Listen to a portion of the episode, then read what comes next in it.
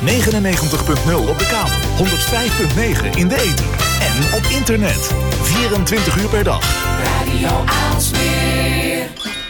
Het is maandag. Tijd voor anders. Tijd voor scherpte en innovatie. Tijd voor blikopende radio. Met Wilg en Lennart. Welkom, dit is alweer de 58e aflevering van Blikopener Radio. Mijn naam is Lennart Bader en vandaag is onze gast Ronald Kleverlaan. Ronald is eh, de voorzitter van Stichting MKB Financiering en eh, een specialist en onderzoeker op het gebied van Community Ownership en Finance. En uh, hij is dus een expert op het gebied van alternatieve financiering. We zijn benieuwd hoe dat werkt en of dat in de huidige tijden ja, wellicht extra mogelijkheden biedt.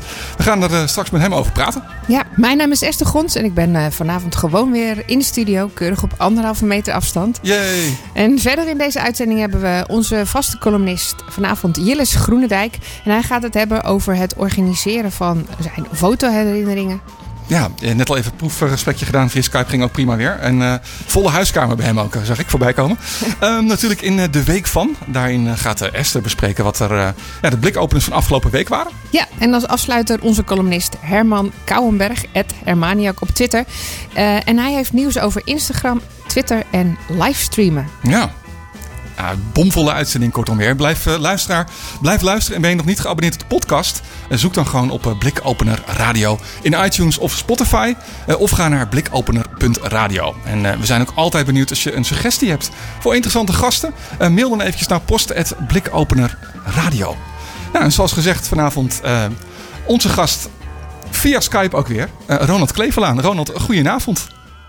Goedenavond, Lennart. Nou, wat fijn dat je uh, onze gast wilt zijn, uh, sowieso.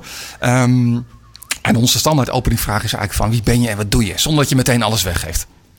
Oké, okay, hou ik het even heel kort met, op basis van je introductie. Um, ja, ik ben voorzitter van Stichting NKB-financiering. En eh, vanuit de Stichting NKB-financiering richten we ons op het verbeteren van de toegang tot financiering voor het MKB en start-ups. En inderdaad, op dit moment is dat heel urgent. En nou, daar gaan we het straks verder over hebben. En daarnaast ben ik gespecialiseerd in community financiering en community ownership. En dat betekent eigenlijk voornamelijk hoe kun je nou uiteindelijk ook de, de rendementen, de, de, de inkomsten die uiteindelijk uit bedrijven komen ook weer verdelen over een lokale gemeenschap. Dus je ziet heel veel lokale initiatieven uh, waarbij de eigenaarschap, uh, aandeelhouderschap uh, door meer mensen gedragen wordt. Van energieprojecten tot, tot voedselvoorziening. Hoe kun je dat nou eigenlijk beter organiseren? Is, is dat hetzelfde als, als crowdfunding of is dat iets heel anders? Nou, crowdfunding is een middel om financiering op te halen. En, en dat is inderdaad wel een belangrijk onderdeel daarbij. Maar het gaat een stap verder. Want het gaat er uiteindelijk ook om dat die mensen dan betrokken blijven. En bij crowdfunding wordt het vaak eenmalig ingezet. Um, bijvoorbeeld inderdaad om een, een, bedrijf te redden of juist om een bedrijf uit te breiden. Um, maar uiteindelijk, hoe zorg je ervoor dat die, dat die uh, gemeenschap ook uh, mee blijft participeren qua inhoud, maar ook financieel uiteindelijk als het goed gaat met een bedrijf. Ja, want dat is, dat is een beetje waar jij begonnen bent. Hè? Want ik ken jou uh, ook al van een aantal geleden. Uh, toen was je echt bezig met, uh, met crowdfunding. Dat was toen iets heel nieuws. en en daar, daar was jij echt helemaal in, in betrokken. Van hoe moet je dat nou goed opzetten? Voor welke, voor welke dingen is dat nou überhaupt interessant?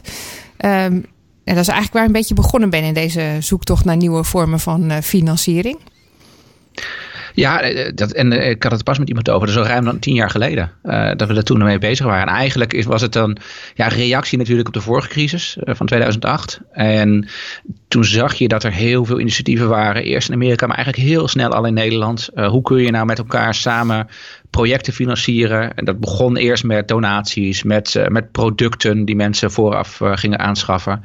Maar dat ging eigenlijk langzaamaan steeds meer richting investeringen. En ja, daar ben ik eigenlijk uh, ja, mij in blijven verdiepen. En ook zitten kijken van ja, maar wat betekent het dan daadwerkelijk als je dat verder doortrekt. En naast het geld dat mensen erin steken, dat ze dan ook daadwerkelijk invloed kunnen uitoefenen. Wat heeft dat te maken met, met de gemeenschapszin die uiteindelijk ontstaat in, in lokale gemeenschappen.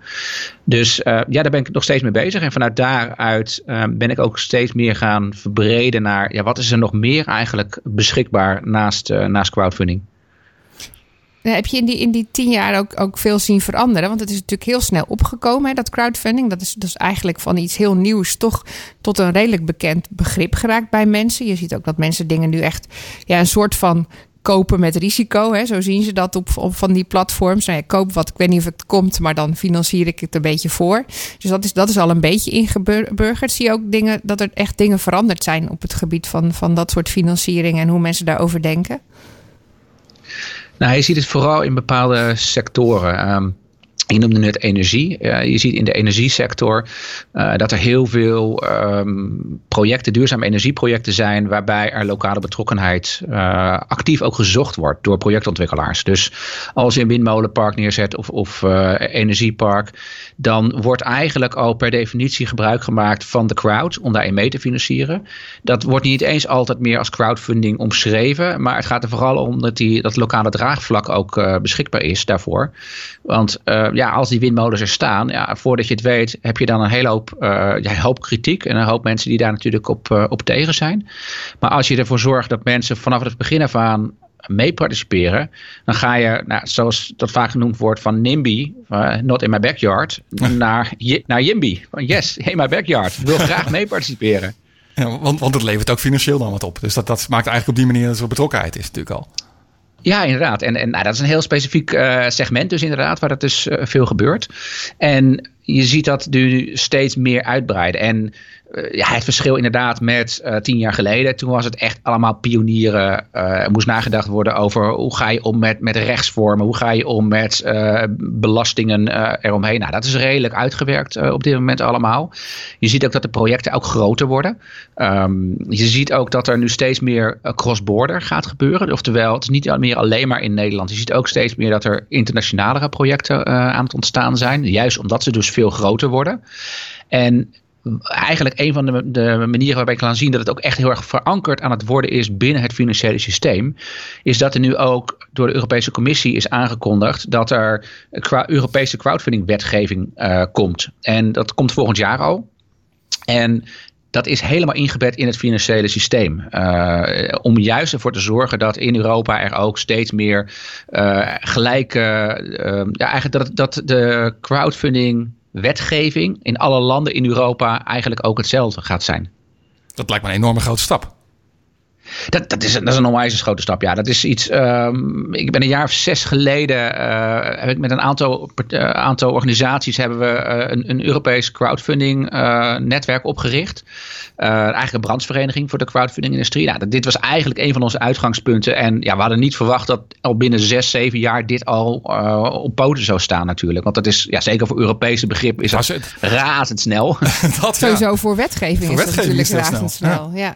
Ja, ja, en uh, het is in zoverre, um, omdat ze het in één keer als een Europese wetgeving neerleggen en niet het weer laten implementeren door uh, de nationale overheden, um, kan het ook zo snel gaan gebeuren. En je ziet ook dat bijvoorbeeld in Nederland heeft de, de AFM, die, die op dit moment toezicht houdt op uh, de crowdfunding sector, um, die heeft ook eigenlijk de laatste twee jaar in een wachtstand gezeten. Die wisten dat dit eraan kwam. En die hebben eigenlijk gezegd: Nou, weet je, wij gaan nu niet doorvoeren. Wij gaan niet aanvullende wetgeving uh, ontwikkelen. Wij wachten wat er in Europa komt. Nou, je ziet dat er in Duitsland en Frankrijk was die wetgeving er al. Uh, die gaan dit dus nu verder aanpassen. Uh, maar je ziet een, eigenlijk de helft van de Europese landen was crowdfunding tot nu toe nog steeds niet mogelijk. het was niet legaal om te gaan crowdfunden. En je ziet eigenlijk dat daar de laatste, dat daardoor nu een, een volgende fase van groei kan ontstaan. Omdat met deze Europese crowdfunding-wetgeving kan het overal in Europa nu ook gebruikt gaan worden. Dus dat betekent ook dat je zeg maar Europees breed uh, geld kan ophalen uh, volgens crowdfunding. Via crowdfunding. Ja, klopt. Ja, ja dus, dus um, en waarvoor dat interessant is, is dat, je, dat, dat hier eigenlijk door uniformiteit ontstaat. Dus daardoor wordt het herkenbaar voor investeerders, voor, uh, maar ook voor ondernemers die financiering op willen halen. Je kunt uh, allerlei adviesorganisaties gaan krijgen die, dit, uh, die, die ondernemers gaan helpen met, met, dit, met deze manier financiering ophalen. Dus dat maakt het steeds makkelijker. Um, aan de andere kant, en dat is natuurlijk altijd wel even weer terug naar het begin en, en de kracht van crowdfunding. Uh, bij crowdfunding gaat het ook wel heel erg voor de lokale betrokkenheid. Dus je ziet nog steeds wel dat natuurlijk een merendeel van de projecten haalt financiering lokaal op. Dus het is, hoewel het dus heel mooi is dat we Europese wetgeving uh, hebben, betekent het niet dat ja, iedereen nu in een Pools, Frans of Italiaans crowdfunding project gaat, uh, gaat investeren.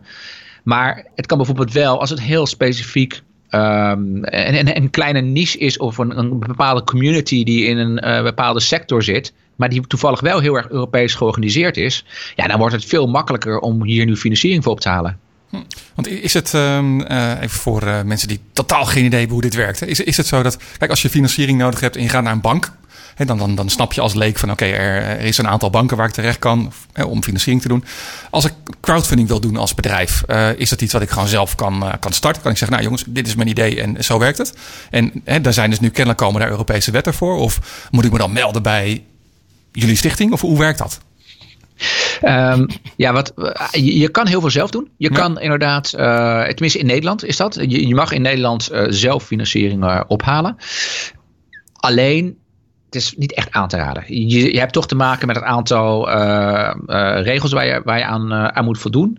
plus heel praktisch, als jij 100 of 200 mensen hebt die investeren in je bedrijf of participeren in je bedrijf. Je moet het administreren, je moet het bijhouden. juridisch ook natuurlijk. Het is ook een heel stuk juridisch inderdaad, ja. Want je bent natuurlijk wel gewoon uh, vanuit... Uh, je bent bij mensen geld aan het ophalen voor een project. Dus je belooft hen iets. En dat moet je natuurlijk wel op de juiste manier omschrijven en, en vastleggen in contracten. Dus wat je eigenlijk ziet is dat er een intermediair is, een crowdfunding platform. En die handelt dat af. En als ondernemer moet je altijd kijken van wat voor een type financiering zoek je naar. Uh, wat, uh, wat Essen bijvoorbeeld zei, van uh, met risico inderdaad vooraf uh, proberen geld op te halen voor specifieke producten of, of diensten zelfs. wat trouwens in deze crisistijd heel interessant is voor heel veel ondernemers om, om te doen. Um, daarmee haal je dus een stukje cashflow naar voren. Dus je, je kan ook daarmee heel goed testen of een bepaald product in de markt ligt. Of er interesse is in een, uh, in een product. Uh, maar dat is maar één vorm van crowdfunden. Je kunt ook, uh, eigenlijk net zoals bij een bank, een lening ophalen. Maar in plaats van dat je dat bij een, een, een ton ophaalt bij een bank, kun je bij 100, on, bij 100 investeerders ook 1000 euro ophalen. Ja. Heb je ook die 100.000 euro.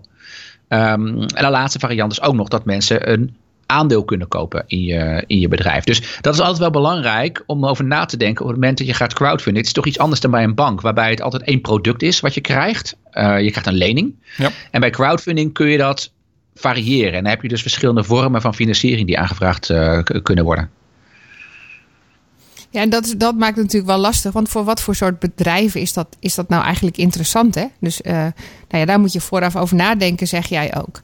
Uh, want uh, als, je, als je net begint, ja, verkoop je dan aandelen. En dan heb je 200 man die, die aandelen hebben. Omdat je dan een ton bij elkaar wil halen. Voor welk, voor welk soort bedrijven is dit soort financiering nou interessant?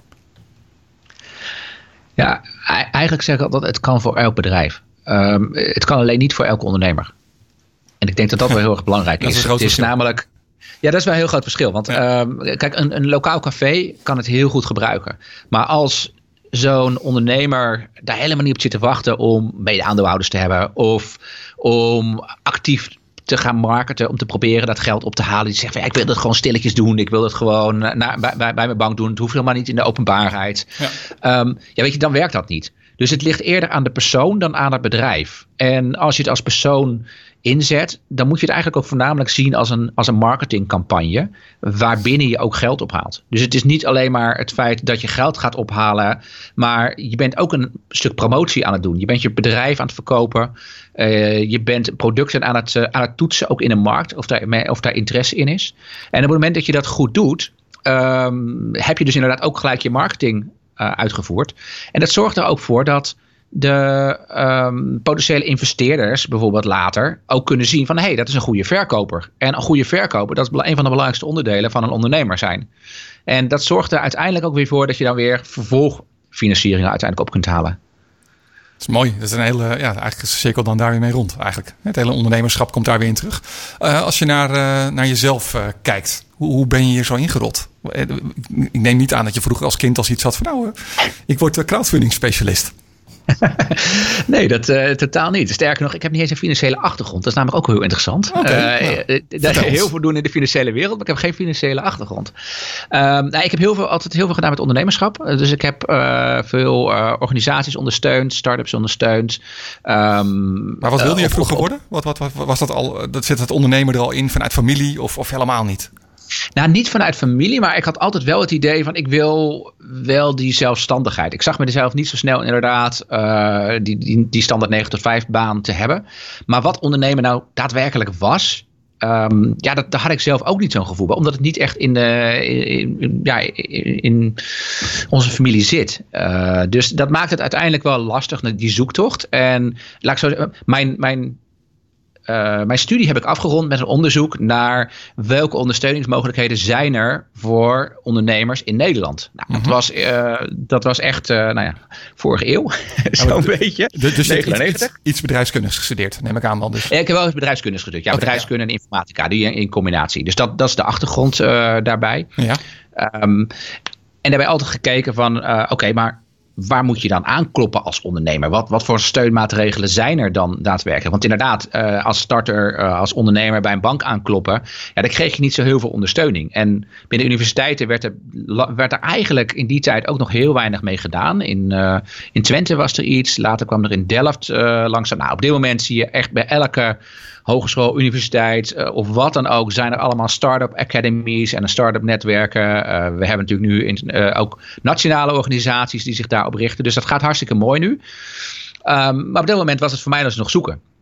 En daarnaast was ik zelf natuurlijk ondernemer. Dus ik ben uh, sinds uh, eind 99 ben ik zelf ondernemer geworden.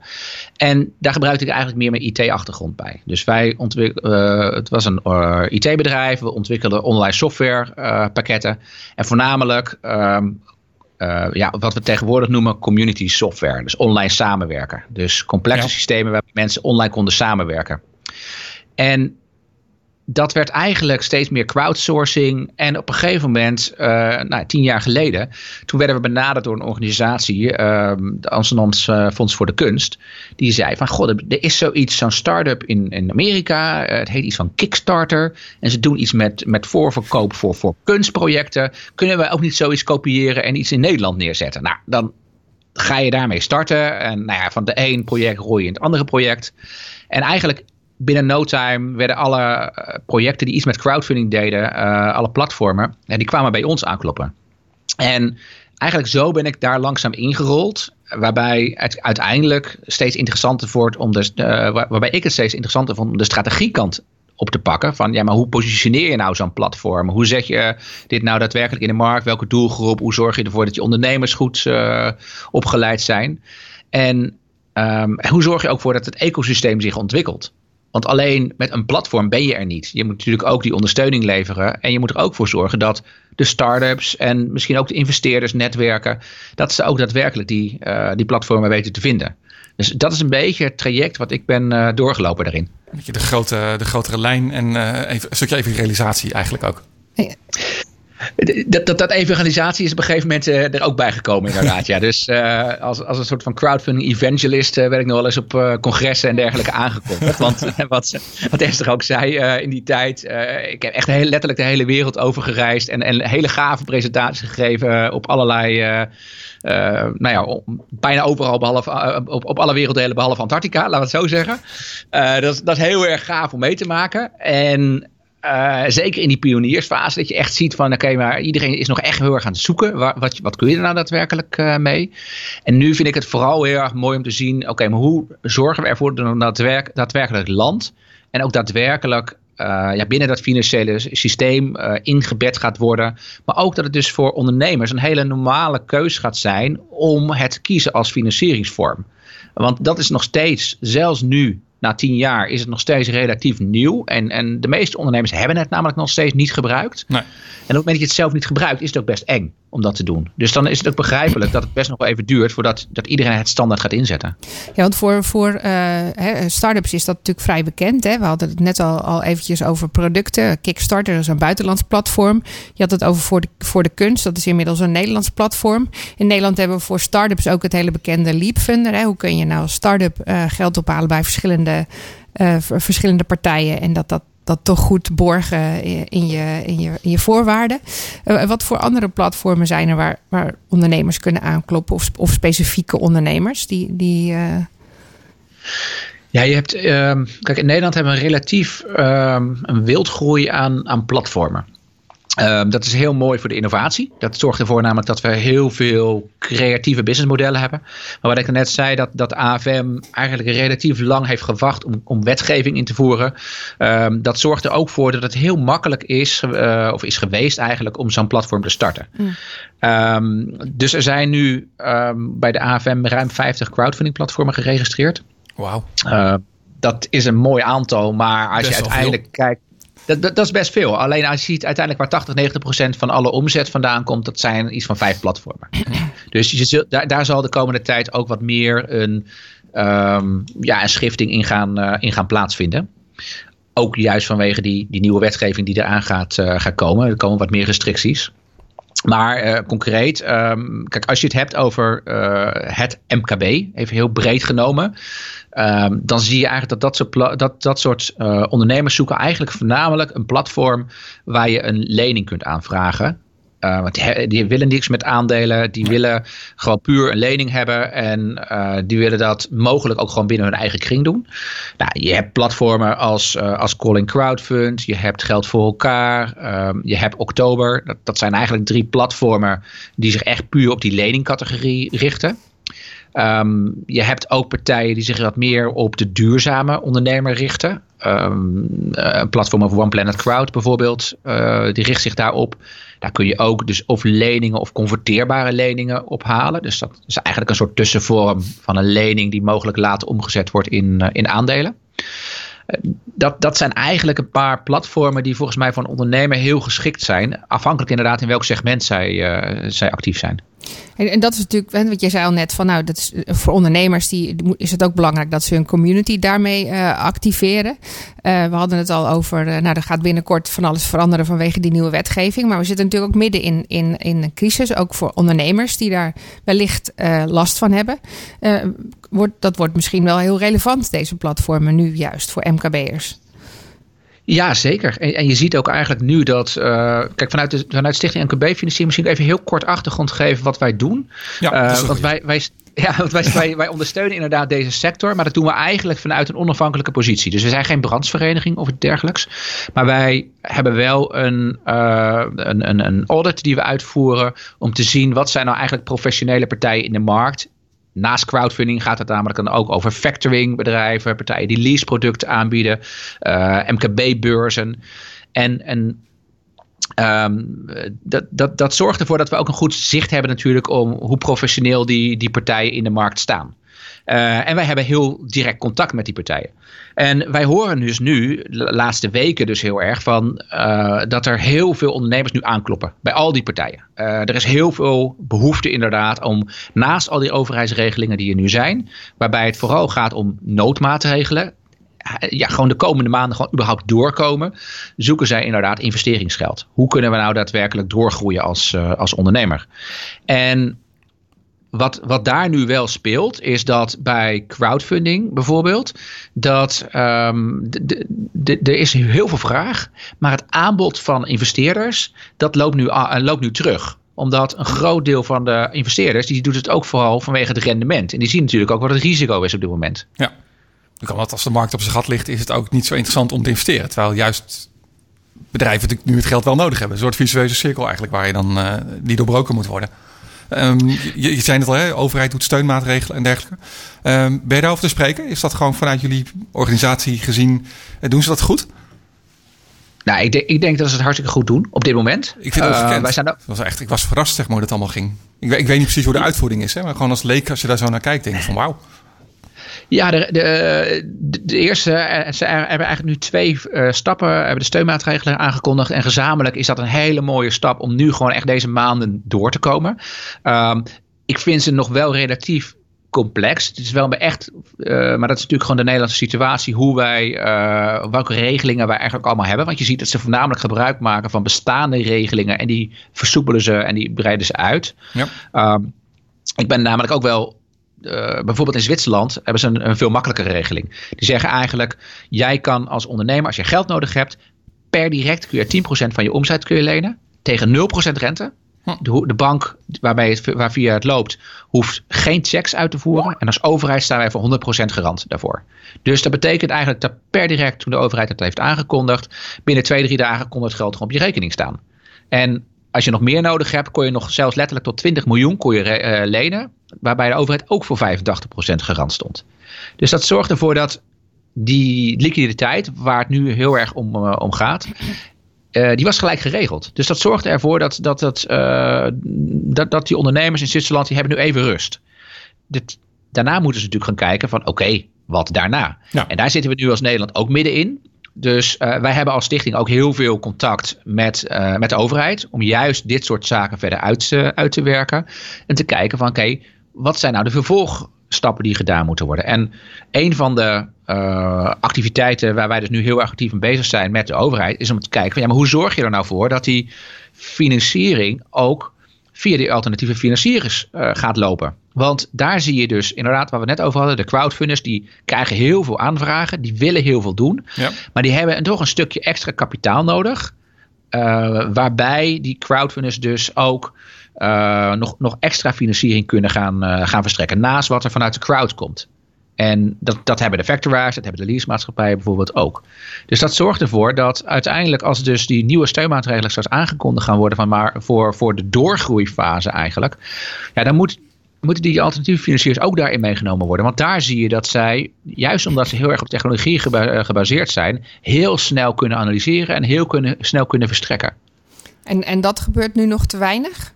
Uh, dat ze daarin meegenomen worden?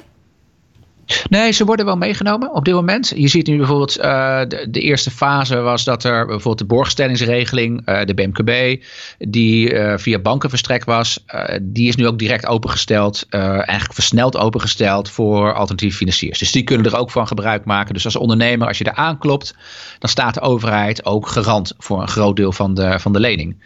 Dus dat wordt mooi, mooi meegenomen. Alleen, je ziet wel dat het banken eerst is. Dus eerst wordt het geregeld voor de banken. En dat is logisch, want daar zit natuurlijk gewoon 90% van het MKB. Uh-huh. Um, maar wij zien vooral bij het kleine MKB, het kleinbedrijf en ook ZZP'ers. Daar zie je eigenlijk dat het tegenwoordig al ongeveer 30% van alle financieringen die gaan buiten banken om. En die 30% moet je niet vergeten, want dat zijn juist de sectoren die eigenlijk de laatste jaren al veel last hadden om bij een bank aan te kloppen. Uh, de retail, de horeca, dat zijn allemaal sectoren die op dit moment, uh, die in het verleden, afgelopen jaren, al best wel last hadden om financiering te krijgen via banken. En dus eigenlijk al uh, ja, aangewezen waren op alternatieve financiering. Heb je, heb je nog tips voor bedrijven die nu luisteren en die denken van ja, maar wauw, iets alternatiefs, is dat wat voor mij?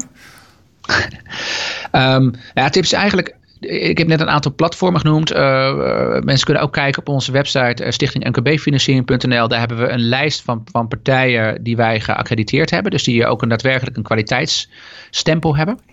En ga daar kijken en zie ook van wat voor andere bedrijven daar al financiering opgehaald hebben. En um, ja, afhankelijk ook van de ervaring van de ondernemer zelf, kan hij natuurlijk zelf contact opnemen met die, met die platformen. Of via de eigen accountant of via de eigen adviseur. En denk altijd na over, um, denk over een financieringsmix. Denk niet alleen maar van bij een bank heb je alles. Het is ook net zoals met crowdfunding. Je hebt niet bij alles bij crowdfunding, maar een combinatie tussen crowdfunding en een bankaire lening bijvoorbeeld kan heel goed werken. Um, dus probeer na te denken over welke vormen van financiering heb je nodig en hoe kun je die goed gaan combineren. Ja, ja. Ja, dat, ik, ik had nog een vraag, maar dat was waarschijnlijk al de tip die je gaf, die je mee kan nemen. Want juist als je kleine ondernemer bent, heb je een heel grote achterban die waarschijnlijk al heel veel voor je willen doen. Hè. Die vragen nu, wat kan ik voor je doen? Uh, hoe, hoe kan je daar nou uh, goed op intappen als, als ondernemer? Dat je zegt van nou, ik stuur je naar dit platform of uh, help me met, met dit soort financiering. Want dat wil je dan juist gebruiken. Ja, nou eigenlijk de eerste stap is eigenlijk communiceren. Dus ga met die groep mensen uh, in gesprek en probeer ze dus inderdaad op een bepaalde manier erbij te gaan betrekken. Want op het moment dat je ze erbij betrekt, wordt het ook veel makkelijker om later producten voor te verkopen of, of via crowdfunding geld op te halen. Maar je moet eerst een beetje een gevoel krijgen van hoe ga je die bereiken.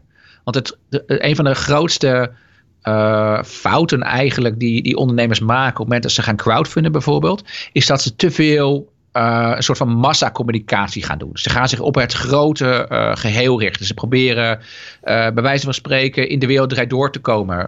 Hoewel een slecht voorbeeld op dit moment, nu ze gestopt zijn. Maar, ja, wijze van. maar, ja, juist die nationale radio en tv, dat werkt niet bij crowdfunding. Je moet juist lokaal zitten. Dus lokale radio werkt. Uh, ik denk dat dat ook een mooie is. Uh, maar nog dichterbij is, uh, ja, ga nou in gesprek met jouw klanten. stuur ze een, een, ik kan ze een mail sturen, maar zelfs bel ze op begin met een bepaalde kernteam en, en leg je idee voor. En op basis daarvan kun je dan later nadenken van oké, kunnen we daar dan een campagne van maken? En zo'n campagne, kan iets eenmaligs zijn, maar dat kun je ook meerdere keren doen. Dus je hoeft niet al nu na te denken van oké, ik moet nu een crowdfunding campagne doen waarmee ik uh, geld ophaal om de komende vijf jaar te gaan ondernemen. Het kan ook zijn, nou, laten we eens een, met een campagne een nieuw product in de markt zetten waarmee we de komende zes maanden even uit de, uit de drukte komen. Ja. Uh, misschien ontwikkelen we wel een heel nieuw businessmodel of een, nieuwe, uh, ja, een nieuw product wat we in de markt willen gaan, gaan zetten. Nou, laten we daar eens even de komende zes maanden op gaan richten. Lukt het niet? Nou, jammer. Maar op het moment dat je die mensen er ook, gewoon echt bij betrekt. En ze dus ook deel gaat uitmaken, uh, meemaken van het hele proces. Dan zullen ze ook geen enkel probleem vinden dat, er uiteindelijk, dat het uiteindelijk niet lukt. Of dat er iets anders uitkomt dan ze oorspronkelijk gedacht hadden. Want het is toch een soortje ja, mede-ondernemen eigenlijk wat je samen doet dan. En genoeg kansen ook wat jou betreft. Dus zo'n crisis biedt ook allerlei mogelijkheden natuurlijk weer. Zo'n crisis biedt altijd mogelijkheden. En zeker voor ondernemers die ondernemend zijn, zul je zien dat ze er alleen maar sterker uit gaan komen. Ja. Nou, mooi. Ik vind het een hele mooie afsluiting. Uh, ook meteen. Uh, Ronald, heel erg dankjewel voor, uh, voor, je, voor het gesprek. als mensen meer over jou of over je werk willen, te weten willen komen, waar kunnen ze terecht? het makkelijkste is bij stichting nkbfinanciering.nl. Daar is alle informatie over de, over de stichting te vinden. Hartstikke goed. Ronald, dankjewel. Graag gedaan.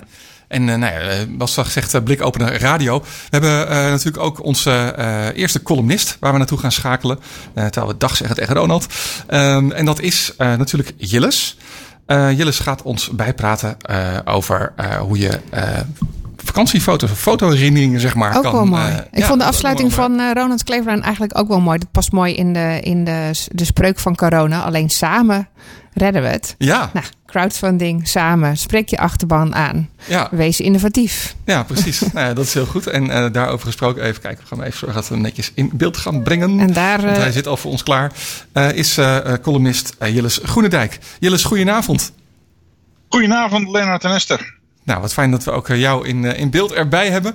Uh, vanuit huis, ik zie een, uh, een, Gezellig man. Ik zie 18 op de achtergrond. Ja. ja ben jij 18 geworden? Ja, weer.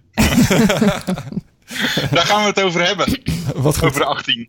Ik zou zeggen, ga, ga je gang. Oké. Okay. Een jarig hoera, hoera, dat kun je wel zien, dat zijn zij. De mannen kijken ongemakkelijk naar mijn valse gezang, terwijl Sylvia me bijvalt. Balen mannen dat jullie je verjaardag zo moeten meemaken, zo zonder vrienden en vriendinnen. Om het leed wat te verzachten heb ik drank gehaald. Veel drank, zodat we vanavond cocktailtjes kunnen mixen. Net iets na 12 uur heb ik een berichtje op, op, Twitter gezet om te bedelen om felicitaties. Terwijl Sylvia de berichtjes van WhatsApp en Facebook voorleest, vertel ik Jelle, want die zit niet op Twitter, wat er allemaal gepost is. Uh, Jurre had het al gezien en ook de verschillende uh, felicitaties uh, voorbij zien komen. Ineens denk ik me, bedenk ik me dat als je jarig bent op Twitter, dan krijg je ballonnen. Snel klik ik op Jurre's profiel. Met de naam Jurre Jelle. Uit de tijd dat ze nog samen met één account op Twitter za zaten. Ik zie helemaal niets. Ik kijk bij de geboortedatum en zie dat er dan niets is ingevuld. Ik zeg hem nog, als je je geboortedatum invult, dan krijg je ballonnen op je profiel. Nou, famous last words. Ja, doe ik zo wel, even, zegt Jurre, terwijl hij naar boven gaat om te gamen. Niet veel later komt hij naar beneden. Jij bent ook een lekkere. Nu is mijn account gewist. Hè? Wat? Ja, toen jullie dit account voor me hebben aangemaakt, gemaakt, mocht dat niet met de echte datum, omdat ik toen pas 7 jaar was. En jullie hebben me 18 gemaakt. Verrek, dat is waar ook. Ik klik op Jurre's account en zie, this account does not exist. Wat voel ik me schuldig. Zeker met al die toffe reacties die hij over de tijd heeft gekregen. Naar aanleiding van zijn lezingen. Zou het erg zonde zijn als dit account gewist was. Ik moet mijn paspoort op, uh, uploaden om te bewijzen dat ik 18 ben. En dat heb ik gedaan. De dag begint bij het werk bij de Appie. Ze krijgen zelfs nog een tegoedbon voor hun inzet tijdens de coronacrisis. Zodra ze uit het werk komen, begint D&D. Dungeons and Dragons, een spel waarbij de wereld gemaakt is in het hoofd van de Dungeon Master. In dit geval Jelle. De dobbelstenen bepalen het lot en daarmee of je iets ziet, weet, wint, verliest en nog veel meer. Zo'n potje duurt meestal een uur of zes. Nadat ze klaar zijn heb ik de tafel gedekt en eten we spareribs. Iets dat ze zelf gekozen hebben. Tijdens het eten beginnen we met wat kant-en-klare mixjes. Malibu peer, Bacardi raspberry, dan bouwt je, uh, Jelle de eerste uh, Linux cocktail. De chocolate sailor is wat minder. We nemen een vlugeltje, Murder of Crow, Iris Roundhouse, Count Stroganoff. En de laatste cocktail die gemaakt wordt is de Coke Safari. Vier delen cola, één deel safari. Dit is de absolute winnaar van de avond. Normaal dronken Sil en ik deze alleen met jus. De jongens nemen nog een flink, glas bako mee naar boven en beginnen dan met hun virtuele game Minecraft met hun vrienden. Aan de deur wordt gemiauwd. Henkie staat er. Althans, zo hebben we hem genoemd. De kat uit de buurt zonder halsband. Een mooie Maine Coon. Die, um, met van die haren uit de oren en zo'n enorme staart. Henkie is nieuwsgierig. Die kwam zomaar even binnen en het huis verkennen. Nu ben ik een enorme fan van katten, maar ik ben er ook allergisch voor. Dat is geen goede combo. Maar met zo'n aanloop of leasekat kun je wel even kroendelen, maar moet je daarna goed je handen wassen. Inmiddels hebben we hem of haar, geen idee, afgeleerd om binnen te komen. Maar Henkie past zich aan, aan ons ritme. En staat al om vijf uur voor de deur voor de eerste kroelbeurt. En ook tussen de middag, na het eten, komt hij even langs. Reuze gezellig allemaal. Maar Henkie is alweer zat en gaat er zo weer vandoor. Terwijl Sylvia op de bank boek aan het verslinden is, stoort ik me uh, op het uitzoeken van 20 jaar digitale uh, en nog een heel leven analoge foto's ervoor. Ik heb een fotoscanner gekocht, Fast Photo heet die. En met recht. Want deze uh, duurt maar één seconde om een foto om te zetten naar een JPEGje. Op dit moment heb ik bijna 3000 analoge foto's omgezet. Het digitale deel duurde wat langer. Ik ben daar wel twee weken mee bezig geweest in de achtergrond om deze om te zetten. Ik heb een Python script gemaakt. Om uh, die uh, foto's vanuit een kopie van de iPhone uh, om te zetten naar een mappenstructuur met het jaar in vier cijfers. Een volgende map jaar in vier cijfers, een minnetje en dan de maand in twee cijfers. En dan de volgende map is het model van het apparaat. Bijvoorbeeld een iPhone 8 Plus. En in die map staan dan alle foto's. Hiervoor gebruik ik het programma EXIF Tool waarmee je alle metadata uit de foto kan halen. Creation date, GPS-locatie, hoe de camera gehouden werd, diafragma, sluitertijd, zelfs het serienummer van de body staat in de EXIF-informatie. Veel van die foto's worden gemaakt door één persoon, die ze dan vervolgens weer doorstuurt naar een ander device of een andere persoon. En zo kan het dus voorkomen dat die foto verschillende keren in jouw bibliotheek uh, kan komen. Om nu geen dubbele te kopiëren, laat ik een uniek getal berekenen over de foto's. Een zogenaamde hash. En daar voeg ik de bestandsgrootte weer aan toe om uh, zo de dubbele niet nog eens in te lezen. De foto's bekijk ik in het open source programma Digicam met een K. Waar, zelfs de, ge, waar je zelfs de gezicht in kan herkennen en opgeven. Terwijl we nu de foto's aan het omzetten zijn, vallen we vanaf van de ene in de andere herinnering. Weet je nog, toen we zijn gaan skiën, hoe heette die plaats ook weer waar we toen waren? Zalig om het zo her te beleven. Opeens krijg ik een berichtje op Twitter van iemand die dit al eens eerder heeft meegemaakt dat zijn account gewist werd. Die legt me uit dat niet Jurre moet vertellen dat hij 18 is, maar dat, ik, uh, dat hij moet doorgeven wie zijn ouders zijn, zodat die op Twitter uh, goedkeuring kunnen geven voor het feit dat zij hem voor zijn dertiende hebben toegelaten. Alles aan onze kant is nu gedaan. En naar ik begrijp kan dit nog een maand op zich laten wachten voordat het weer hersteld wordt. Maar dat maakt niet uit. Jurre en Jelle ook zijn druk bezig met de laatste toetsen voor hun diploma. En ik ben druk met het scannen van nog weer een batch foto's. We hebben nu ruim 250.000 familiefoto's, waar het digitale deel uh, vanaf een jaar of 2000 uh, uh, is in, vanaf een jaar of 2000 en alles daarvoor is ingescand. We zullen nog wel even bezig zijn, maar één ding staat vast. Er worden een paar backups van deze bibliotheek gemaakt. Op schijven die met BitLocker uh, bij een uh, familie worden ondergebracht. Zodat als we om wat voor reden dan ook iets ontstaat in dit huis waardoor we de foto's kwijt zijn. Er nog altijd een alternatief is om deze herinneringen niet verloren te laten gaan. Mooi. Impressive ook. Ik kan zeggen, ja, ja is met, dat helemaal nou, nou. Met, met wat? Bitlocker? Dus, uh, ja, met BitLocker. Oké, okay, met Zodat, BitLocker heb je, je niet uh, je weggezet. Sorry? En dan kan je er weer zelf ook weer bij als enige.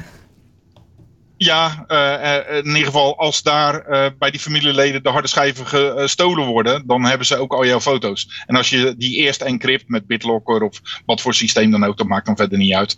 Dan weet je in ieder geval dat de mensen die daar toegang toe moeten hebben, daarbij kunnen en de rest niet. Zo zo. Nou, en heb je het dan ook nog in de cloud staan of alleen bij anderen? Nee, ik heb niks in de cloud. Oké. Ik, ik, heb het ooit op Wonderen Bestaan gehad. In een hele prille begintijd. Alleen uh, dat, dat backfired een beetje. Omdat er best wat foto's op staan. En van best wat verschillende mensen. Dus ik heb het nu in mijn eigen omgeving. Eigen cloud. Een, een eigen veilige eigen omgeving. Wat goed. Wat goed weer. On-premise heb ik het. Ja. nou, wat gaaf. Uh, Jilles, uh, ja. we gaan normaal gesproken nu over naar, naar mijn blikopeners. maar blijf, jij, blijf nog even hangen, want we hadden het vanmiddag al eventjes over, ja. over een onderwerp die ik ook even wilde aanboren in, in, in mijn blikopeners. de app die, de, die de overheid aankondigde, of eigenlijk kondigde ze het onderzoek aan naar twee apps. Uh, Die op die manier zouden helpen om uh, bepaalde maatregelen die nu opgelegd zijn, uh, misschien nou ja, straks te kunnen versoepelen. En, ja. en, die apps moeten daarin helpen, zodat dat kan. Ja. Maar goed, daar hadden wij het vanmiddag ook over. die, die apps die zijn dan bedoeld om, om, omdat je dan heel makkelijk kan opsporen wie in contact is geweest met wie als je iemand hebt die besmet is, zodat je ook makkelijker kan isoleren en daardoor wat ma maatregelen uh, kan versoepelen. Hè? Omdat je dan sneller bij dat, bij dat onderzoek kan zijn uh, wie, de, wie de bron was van een bepaalde besmetting. Ja. Um, ja. Maar goed, die apps, dat, dat, was, dat zorgde voor een soort stortvloed aan, aan uh, commentaar, want privacy. Nou, nou weet Voor jij mij daar. als eerste misschien zelfs wel. Ja, maar goed, daar weet jij veel meer van. Uh, ja. Hoe dacht jij daarover? Of denk jij daarover? Uh, misschien omdat ik in infosec zit, ben ik wat kritischer over apps. met name ja, apps die, die gebouwd worden. Daar, vaak, daar zie je vaak in dat mensen niet zo goed nadenken over security. Uh, dus er zijn een aantal aspecten die uh, dit met zich meebrengen. Dus uh, hoe ga je die apps inrichten? Er zijn verschillende modellen voor. Eén model is waarbij je de locatiegegevens met iedereen deelt. Maar het waarschijnlijk gekozen model gaat er een zijn in, met Bluetooth. En Bluetooth low energy, waardoor je zelfs de afstand kan meten waarop mensen met elkaar communiceren. En uh, er is al uh, zo'n soort uh, app. ik ben even de, de, de naam kwijt close distance of zo. Uh, iets wat er eerder is. En het grappige is dat uh, op het moment dat InfoSec community dat niet omarmt, uh, ja, dan gaat het in ieder geval vanuit die omgeving nooit iets worden en krijg je er heel veel verzet tegen. Dus er zijn al een aantal mensen die hebben al verschillende apps uit elkaar getrokken. Ik heb ook een soort handleiding online gezet, zodat je echt kan zien wat er aan de hand is. Een van de Chinese apps die stuurde ook de data door naar het politiebureau bijvoorbeeld. Dat kon je gewoon echt in de code zien. Maar uh, ja, uh, het is nog niet duidelijk om welke app het gaat. En uh, wat je nu ook ziet, is dat de overheid een oproep heeft gedaan van wat voor soort app moeten we nu uiteindelijk gaan uh, gebruiken. Ja, sterker nog, ze hebben een oproep gedaan om, om, om te vragen: kunnen jullie een app voor ons ontwikkelen? Want misschien moeten we helemaal niet een app gebruiken die er al is, want we hebben heel veel kritiek gekregen. het moet ja. aan een aantal hele belangrijke eisen voldoen. Dus op tender.net staat nu een oproep. Uh, wie wil ons helpen? Uh, maar die eisen zijn, zijn, zijn, vind ik wel heel belangrijk. Uh, eh, dus, dus dat gaat vooral op niet centraal opslaan van persoonsgegevens. Maar, maar ja. weet jij meer over die eisen en waarom dat zo belangrijk is? Nou ja, kijk, uh, wat je niet wil is, uh, net als met die uh, donorgegevens die op den duur op straat komen te liggen, is dat het daarop misgaat. En je kan het allemaal super veilig maken met Bluetooth. Alleen in principe zijn al deze gegevens er al. Dus je hebt geen app nodig. Op het moment dat je iemand hebt met die corona heeft en die heeft een telefoon bij zich, kun je aan de ge uh, geolocatie van de telefoongegevens zien waar die persoon overal geweest is. En dan ook aan de geolocatie van alle andere personen zien waar die andere personen geweest zijn. Dus daar zijn al op Twitter dingen over Tampa, Tampa Bay waar daar wat, wat heatmaps over, over hoe de mensen die daar waren vervolgens over Amerika weer teruggingen. Dus ondanks dat de app misschien helemaal veilig is met Bluetooth, kun je het nog steeds correleren met allerlei andere data. Van, van bijvoorbeeld van, van de telefoonmasten bijvoorbeeld. Ja, van telefoonmast of op het moment dat je een backup maakt van je telefoon in, uh, van, van je Apple-telefoon in de cloud, dan staat daar uh, een meting in van hoe, uh, hoe goed jouw verbinding is met de telefoonmast. En aan de hand daarvan kun je zien wanneer je hoe lang op welke plek bent, bent geweest. Dus ja, dus een combinatie van dingen. Maar wat ik nu zie is dat Google en Apple samen ook bezig zijn met een initiatief. En dat, ja, daar ben ik nog meer van uh, in de war, zeg maar. Omdat dat onderdeel wordt van het besturingssysteem. En nu wordt het geen uh, app meer, maar wordt het iets wat bij je volgende uh, update komt. Ja. En hoe gaat dat dan verder in zijn werk? Gaat mijn bedrijf dit enforcen op mijn telefoon? Of mag ik niet meer op bepaalde plekken komen als ik dit niet aan heb? En volgens mij was het wel zo dat wat Apple en Google nu samen aan het maken zijn. Zij zeggen wij willen in de infrastructuur in de telefoon al dingen inbouwen, waardoor die data dan op, op, op enige manier uh, wel veilig is. Hè? Dus uh, inderdaad peer-to-peer, dus hè, via Bluetooth bijvoorbeeld. Um, uh, bepalen, ben ik in de buurt geweest met iemand die corona heeft, via een veilige ID-code. En alleen als je, jij zelf aangeeft, ik heb corona, gaat die uitzenden naar de ander waarmee jij in contact bent geweest, die ergens in een, op, in een veilige log zouden moeten staan. Nou ja, jij bent in contact geweest met iemand die zegt, ik heb nu corona. waardoor je dus ook weer maatregelen kan nemen. En zij zeggen ook, nou dat, dat zou wij proberen dat nu extra veilig te maken. Dus ook, dat is, een heel, er zijn al, al partijen die dat hard aan het onderzoeken zijn of dat zo is. Uh, en zij vinden ook, um, wij willen daar dus niet een app voor bouwen, maar wel de mogelijkheid voor, voor anderen om daar een app bovenop te bouwen. En die moeten dan weer. En, en dat zijn dan weer de overheden die daar besluiten op welke manier ze met welke data omgaan. Uh, dat is een beetje hoe de, nu de insteek is uh, waarom Apple en Google nu uh, handen in één hebben geslagen om dit zo snel mogelijk wereldwijd te kunnen uitrollen. Ook een beetje vanuit het feit van ja, er zijn natuurlijk ook overheden die dat wellicht verkeerd inzetten. Als wij nu vast de basis goed neerzetten, ja. dan kunnen we dat misschien voorkomen. Nou, en, en natuurlijk ook een stuk snelheid van ja, toepassen. En, en dat, heel dat, snel. Dat, maakt natuurlijk precies, een enorm verschil als het eerder ingevoerd kan worden. Hè? Ja. Losstand van privacy is natuurlijk dat wel een uh, het hele idee natuurlijk ja, alleen Het nadeel is als dat in uh, iets proprietary als in het Apple systeem is, anders dan in het Android systeem, dan is dat lastig te code reviewen. Dus wat ik graag zou willen zien is dat er een onafhankelijke persoon daar een audit op doet. Want ze zeggen wij maken een veilig systeem. Maar dat veilige systeem dat zit wel met een API-koppeling aan de back-end van Apple vast. Dus ondanks dat het om uh, uh, Bluetooth-gegevens zijn en unieke codes, gaan die unieke codes wel naar een centraal systeem. En zou dat toch weer terugherleid kunnen worden naar een persoon op het moment dat je al die gegevens hebt. Dit, dit is los van een oplossing ook een goudmijn. Vergis je daar niet in. Ja, ja, en dat is natuurlijk precies de discussie uh, uh, waar het eigenlijk allemaal over gaat. Uh, welke kant gaan we op?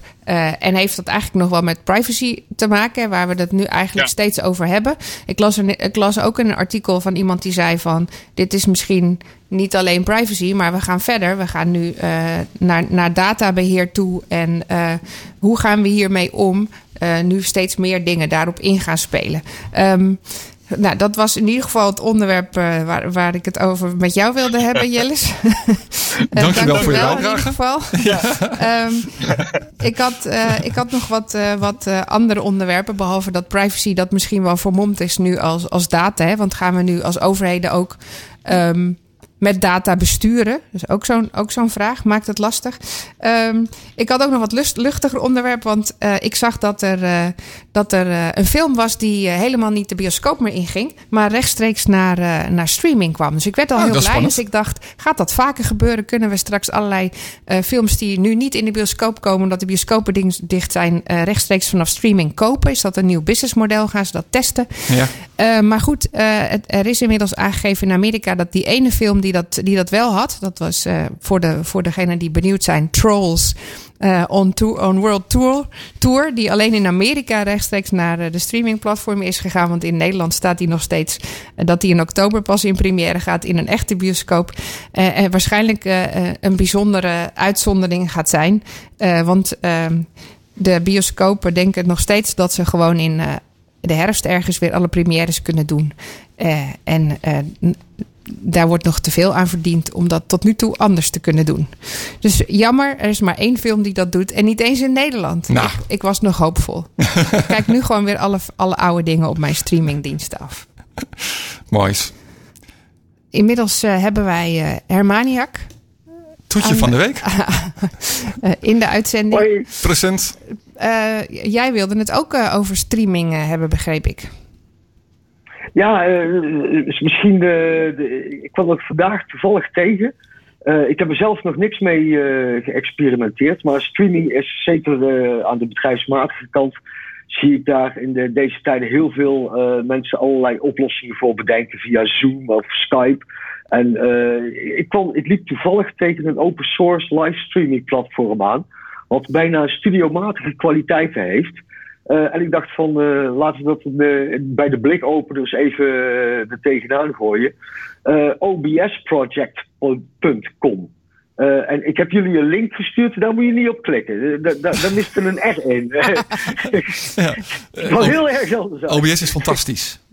Dat, is ah, kijk, gouden pakket. letterlijk ook waar je nu naar kijkt via Radio Smeer Televisie. Dat, dat draait er ook op. Niks, niks, okay. niks, niks nou, ik bedoel, dus zeg maar, professionele kwaliteit. Uh, en, en geheel gratis. Uh, en, uh, het bestaat al acht jaar, dus er wordt ook flink aan doorontwikkeld, als ik het goed begrepen heb. Klopt. Ik, ik, had van de week, Jillis had het net ook weer over Twitter. En Jillis, dat feit dat je als 13-jarige, dat heeft een aantal jaar geleden, heeft dat echt heel groot nieuws was dat. Ik denk zo'n jaar, anderhalf jaar geleden was dat. Maar uh, toen uh, schreeuwde iedereen moord aan brand. Uh, zeker in de zakelijke wereld hadden heel veel mensen hadden de datum van oprichting van hun zaak hadden ze als verjaardag ingevuld. Ja, en ah. dat was heel vaak geen 18. Nee, nee dat is waar. In deze tijd. Dus er zijn echt er zijn duizenden bedrijven die daar ook niet mee zijn gegaan. Ik, ik, heb ze vaak helaas moeten teleurstellen. Er is geen andere manier als uh, die uh, Jillis nu ook gedaan heeft. En die heeft dan nog mazzel dat hij uh, ouder is van een kind. want als je als bedrijf in die, molen terecht kwam, was het nog leuker. Maar Twitter is weer bezig. Ik, ik, weet niet of iedereen het al langer heeft, maar ik kreeg eergisteren, denk ik, voor het eerst toegang tot Twitter Topics. Twitter Topics is een nieuw onderdeel van Twitter waarbij je niet meer zozeer accounts gaat volgen, maar veel meer kiest voor uh, een bepaald onderwerp. Dus uh, je zegt bijvoorbeeld van, goh, uh, ik, ik, vind alles van boer zoekt vrouw eigenlijk leuk. En ik kan dan op de hashtags gaan klikken en op de avond zelf volgen. Maar dat, is toch een beetje een extra handeling. En zo zijn er dus topics die, die je nu kunt aangeven. En dat varieert echt van uh, sport naar wetenschap, naar nieuws op allerlei. Uh, en topics hebben vaak ook nog subtopics. Je wil niet weten hoe lang het topic celebs is. kan je zo voorstellen? Ik heb er maar heel weinig van. Wel, maar uh, dat, dat, was echt. dat was echt een, een mooi onderdeel. dus dat is aan het uitgerold worden. Uh, ik heb nog even, dus uh, ik kijk nog even naar uh, een andere een leuke die ik wel eens dingen. we hebben het hier ook wel eens over het gebruik van woorden. En Twitter is met woorden aan het spelen, want wij kennen allemaal Twitter lists, maar niet iedereen kent dat even goed. En Twitter lists zijn ze aan het experimenteren om dat te hernoemen naar kanalen, oftewel in het Engels channels. En dan maakt het veel meer zin als je mensen aan een bepaald channel toevoegt. Zeker ook omdat je op mobiel voor het, je Twitterlijsten als alternatieve timelines kunt kiezen. Is het dan heel makkelijk door allemaal verschillende kanalen te voegen. En dat zou wel eens een keer uh, het gouden paasei voor Twitter kunnen zijn. Gewoon door, door iets te hernoemen, het toch uh, te heractiveren. Ja, wat grappig. Ja, het, uh, ja, ik bedoel, het idee van kanalen is, is bij mensen in het hoofd denk ik veel logischer. Ja, nou zeker als je dingen als, uh, als uh, Slack gebruikt, waar dat al heel logisch is uh, om op die manier met elkaar ja. te praten. Ja, nou snap ik. Slim. Ja. Ik, ik, ja, ik heb kanalen altijd, of hier, ik noem het al kanalen. Ik heb lijsten altijd vrij zinvol gevonden. Nou heb ik, heb ik nog één uitsmijter voor, over LinkedIn deze keer. Nou, ik maak er twee van. Instagram DM en Instagram Live is tegenwoordig ook op het web te vinden. Dus op instagram.com in je browser is het terug te vinden. En LinkedIn Events, die hadden we dat, dat, kon, dat kon vroeger niet. Hè? Je kon vroeger alleen maar natuurlijk live streams, zeg maar, die op, op Instagram waren, kon je eigenlijk alleen maar in die app zien. En dat hebben ze nu vrijgegeven of aangepast, dat dat ook in, in de normale browser kan. En wat bijvoorbeeld extra tof is als je... Sorry? Voor langere video's, ja ook misschien voor IGTV, wat, waar ze al uh, heel lang mee aan het worstelen zijn om daar iets uh, succesvols rond te bouwen. Ja. Wel, zou er wel eens een keer een doorbraak kunnen zijn. Ik, ik, kijk video's ook liever op mijn desktop als. maar ja, ik, ik ben ook een schermwerker, zoals we dan weten. Ja. Maar mijn laatste puntje is nog LinkedIn Events. Dat was op de persoonlijke profielen was dat al beschikbaar, maar nu hebben we ook alle pagina's. Dus je kunt nu als zakelijk bedrijf kun je een event uh, organiseren. En ik, ik heb afgelopen week heb ik uh, twee events mede mogen organiseren. Dat was uh, voor mijn raceteam een kijkje in de garage. Die is op hun Facebookpagina in Motion, TUE in Motion Facebook, is, is die nog terug te vinden. En zaterdagavond heeft een kennis van mij voor de mantelzorgers in Ule een live DJ-event georganiseerd via Twitch. Dus die had hij allemaal mooi zakelijk aan kunnen kondigen. Wat goed. Nou, wat tof. Um, dankjewel voor je bijdrage weer, Herman. Uh, mooi dat je weer te gast was bij ons in uh, uitzending deze week. Tot de volgende keer, man. Dankjewel. En uh, daarmee komen we alweer ja, aan het eind van deze aflevering Aflevering 58 van Blikopener Radio. Uh, op 13 april 2020 eh, natuurlijk. En volgende week hebben we een uh, leuke gastheer. Dat is Bart Kloosterhuis. Hij is van Vertellis. En dat bedrijf is op missie om mensen dichter bij elkaar te brengen en zichzelf te brengen. Um, en sinds 2016 inspireren ze mensen over de hele wereld met offline vraagkaartenspellen en boeken. En uh, juist in deze tijd is connectie natuurlijk extra belangrijk. Dus we zijn heel erg benieuwd naar het uh, verhaal van Bart. Ja, en of daar dan ook iets online aan toe is gevoegd inmiddels. Nou, ik, uh, ik heb geen idee, maar we gaan het volgende week aan hem vragen. Dus luister ook dan weer naar een nieuwe aflevering van Blik Open Radio. Fijne week.